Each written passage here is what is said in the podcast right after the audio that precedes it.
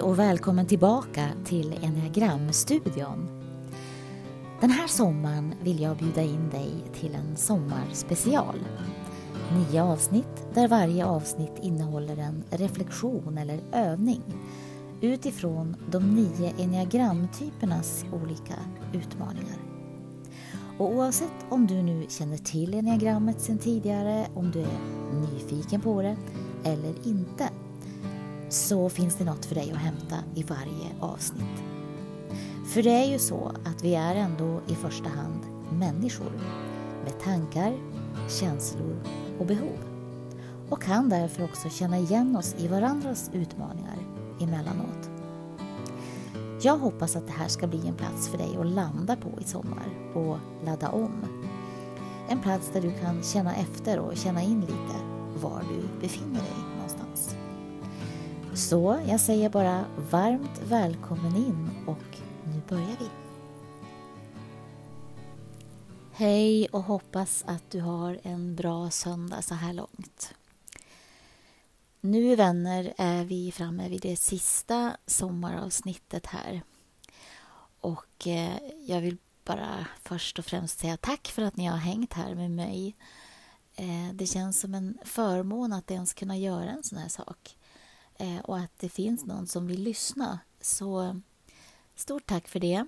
Eh, idag ska vi då avslutningsvis prata om nummer nio i enneagrammet och också lite om vad vi alla kan känna igen oss därifrån. Ehm, men om vi börjar med nian då, som också kallas då för medlaren. Ehm, nians akilleshäl och utmaning Eh, heter lättja. Och det är alltså inte då en latmask vi pratar om som inte får någonting någonsin gjort eller så. Utan den här lättjan står för en slags inre motstånd till eh, saker som handlar om inre, ofta känslomässiga konflikter med sig själv eller andra, med omvärlden.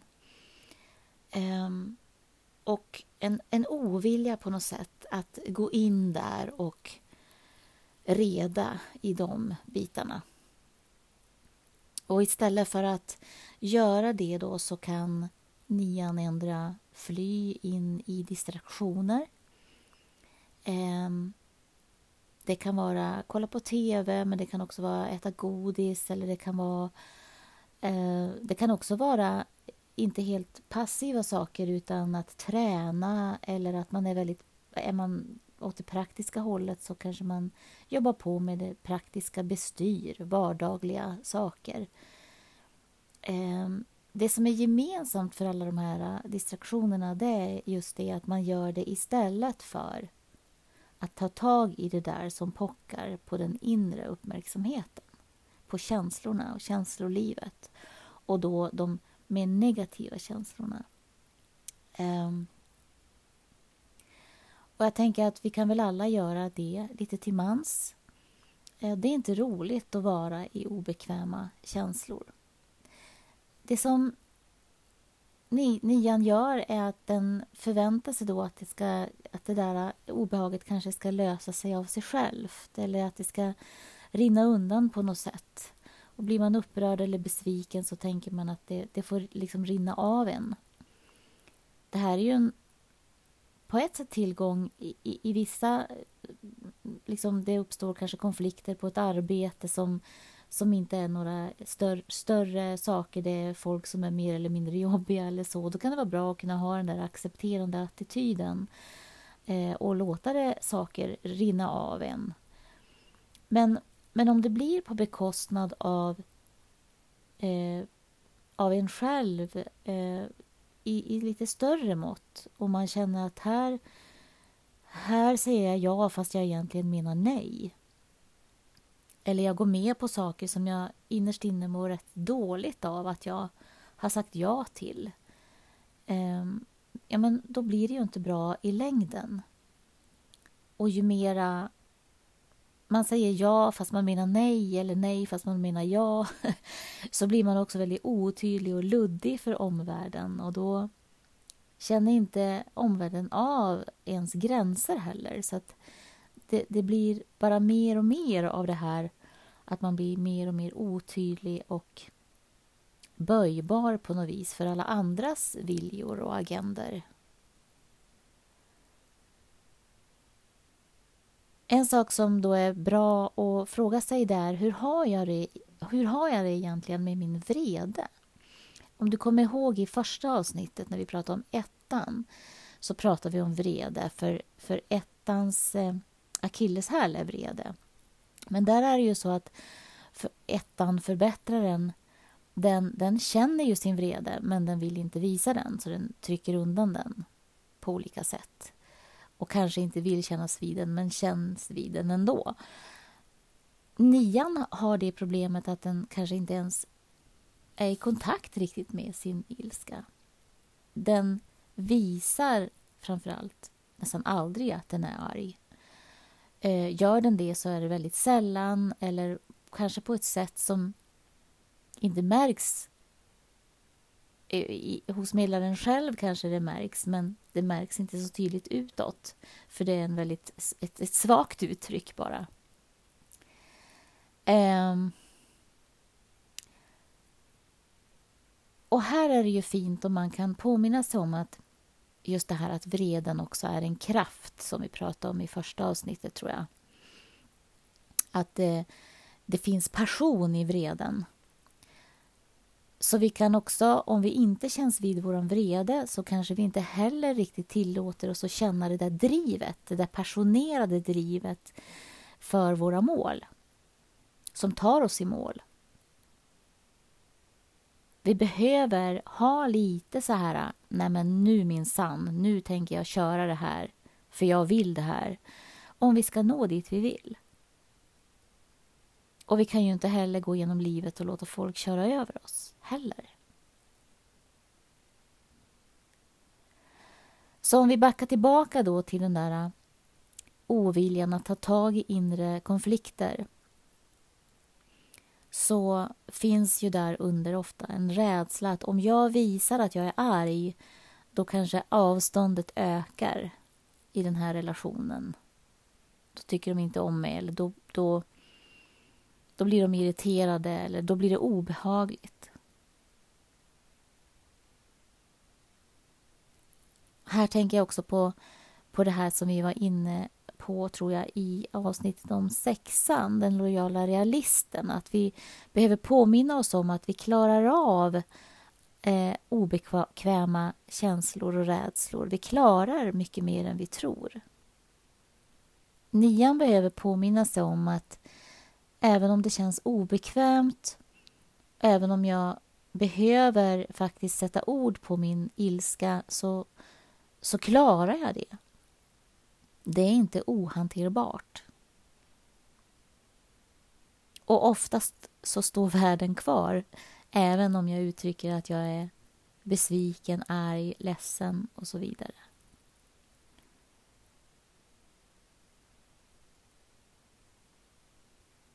det som man också kan tänka här är att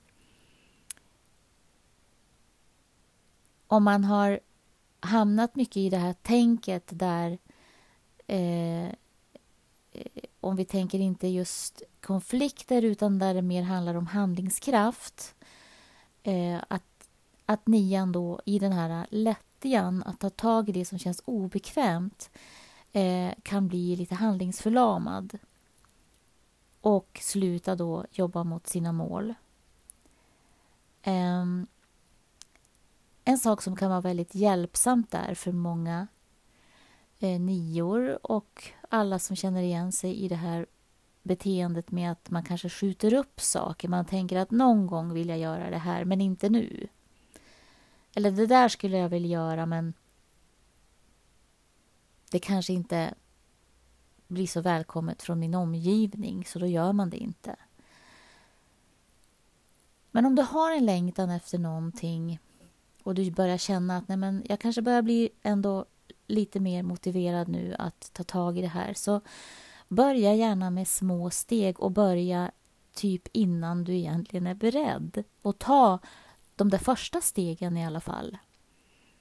Och vad menar jag då med att börja innan man är beredd? Ja, men att inte övertänka det så mycket. Lite grann som att du kanske vågar doppa tån i alla fall och känna efter eh, hur, hur, det känns. Vi säger att du har en dröm om att eh, mm, vi säger att du har en dröm om att eh, skriva en bok. Ja, men istället då för att tänka ja men då måste jag ha ett förlag eller ja men då måste jag veta precis vad den ska handla om och då måste jag veta precis det här. Då kanske du istället ska bara börja med att bestämma att jag ska skriva lite varje dag. Jag ska skriva några meningar varje dag. Och om det blir en mening en dag så är det okej. Okay. Om det blir tio en annan så är det okej. Okay. Och sen ska jag kolla på det när veckan är slut. Du som känner till Julia Cameron eh, känner igen nu vad jag är inne på, det som kallas för morning pages, morgonsidor. Alltså man, man kan kicka igång sin kreativitet och, och sitt mod att skriva till exempel. Genom att skriva morgonsidor. Det behöver inte vara på morgonen dock, men att du skriver några sidor, några meningar per dag. Det som händer när vi kickar igång oss själva med någonting lite mer sådär förutsättningslöst. Utan att ha hela planen lagd. Och, och, och, det är fortfarande inte ens att vi har bestämt att det ska bli då till exempel en bok. Utan det är bara det där att jag doppar tårna som jag sa innan. Ja, men när vi gör det då ökar vårt självförtroende. För efter den där veckan när du tittar tillbaka så ser du att jag har ändå skrivit några meningar här och den där sidan, de där den, där, den där dagen, där skrev jag faktiskt någonting som jag, som jag känner är väldigt... Där, där finns det någonting som jag kan utveckla. Ja, men då får man mera mod, man får blodad tand och det ena steget kan leda vidare till det andra. Jag brukar ibland likna det där vid att vi... Det är som när man, har en, man ska göra en snögubbe. Man, bör, man måste börja med att knåda ihop den där första lilla bollen och så rulla den. Och vi säger att vi rullar den uppför en... Eller, eller, eller ja, vi rullar den uppför, säger vi, en backe. Och det går väldigt tungt, men den blir ändå större och större och större. När jag sen puttar den åt andra hållet eller över kullen, ja men då rullar den av sig själv och då blir den jättestor. Men vi måste börja med att knåda den där första bollen. Annars blir det ingen snögubbe. Och vi måste rulla den en bit och då går det lite, lite liksom, det är lite jobbigare där i början. Men det kommer att komma den där känslan av momentum förr eller senare och det är den vi måste, det, det, det till dess vi måste vara lite lite mer så strukturerade och hårda mot varandra, nej, mot oss själva. Eh, och liksom lova oss själva att ja, men jag lovar i alla fall mig själv att skriva en rad varje dag. Och så ska jag vara nöjd med det om det inte blir mer. Och blir det mer så är det bara en bonus. Så vad gäller handlingskraften så, så är det ett bra sätt att börja.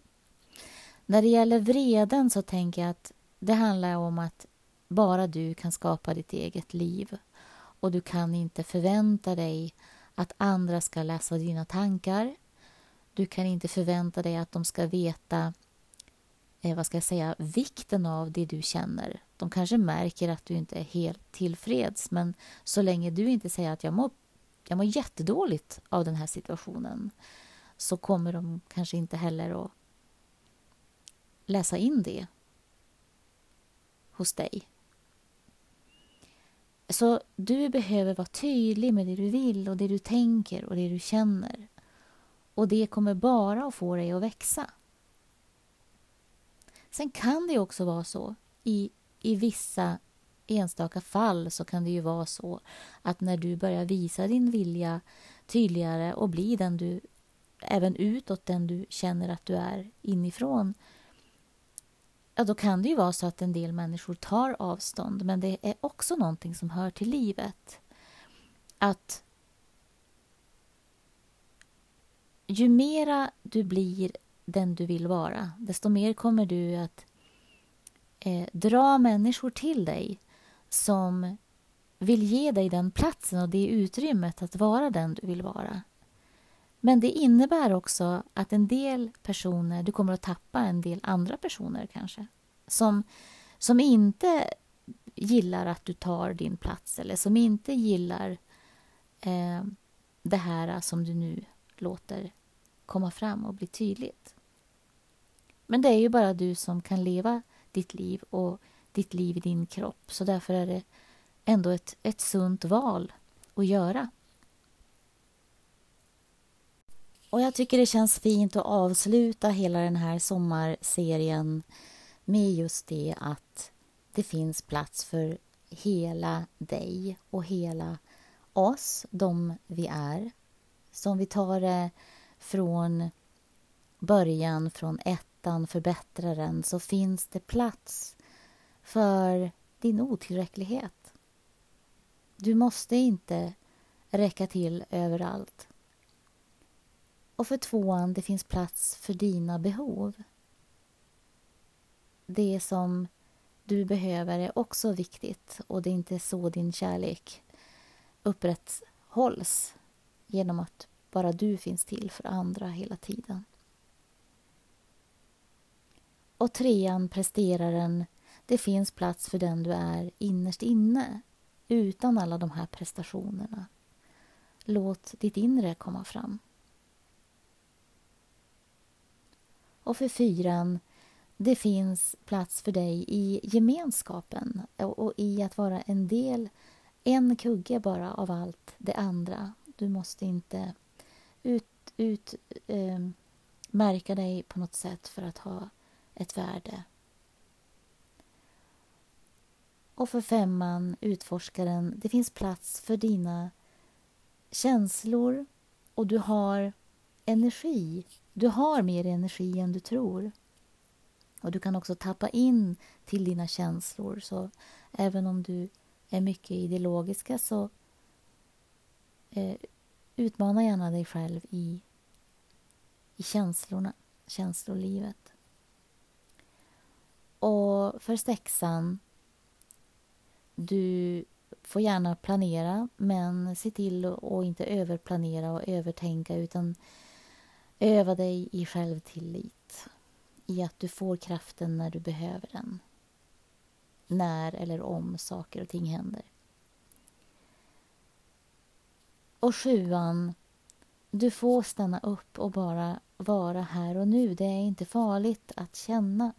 Det är inte ens farligt att känna lite sorg eller lite frustration ibland. Du behöver inte fly. Du kan bara vara här och nu. Och åttan, utmanaren. Du får också visa sårbarhet. Du måste inte vara stark. Allting hänger inte på dig längre. Även om det en gång gjorde det eller du har den upplevelsen så måste det inte vara så eller fortsätta så. Sårbarheten är också en styrka. Och nian, medlaren. Det finns plats för dig eh, och din vrede. Eh, du får sätta gränser och du får vara tydlig mot omvärlden. Det är ditt liv. Och det, som sagt, vi kan hämta lite av alla de här oavsett vilken strategi vi känner igen oss i. Så stort tack för att ni har hängt här med mig och eh, vi hörs en annan gång. Sol på dig.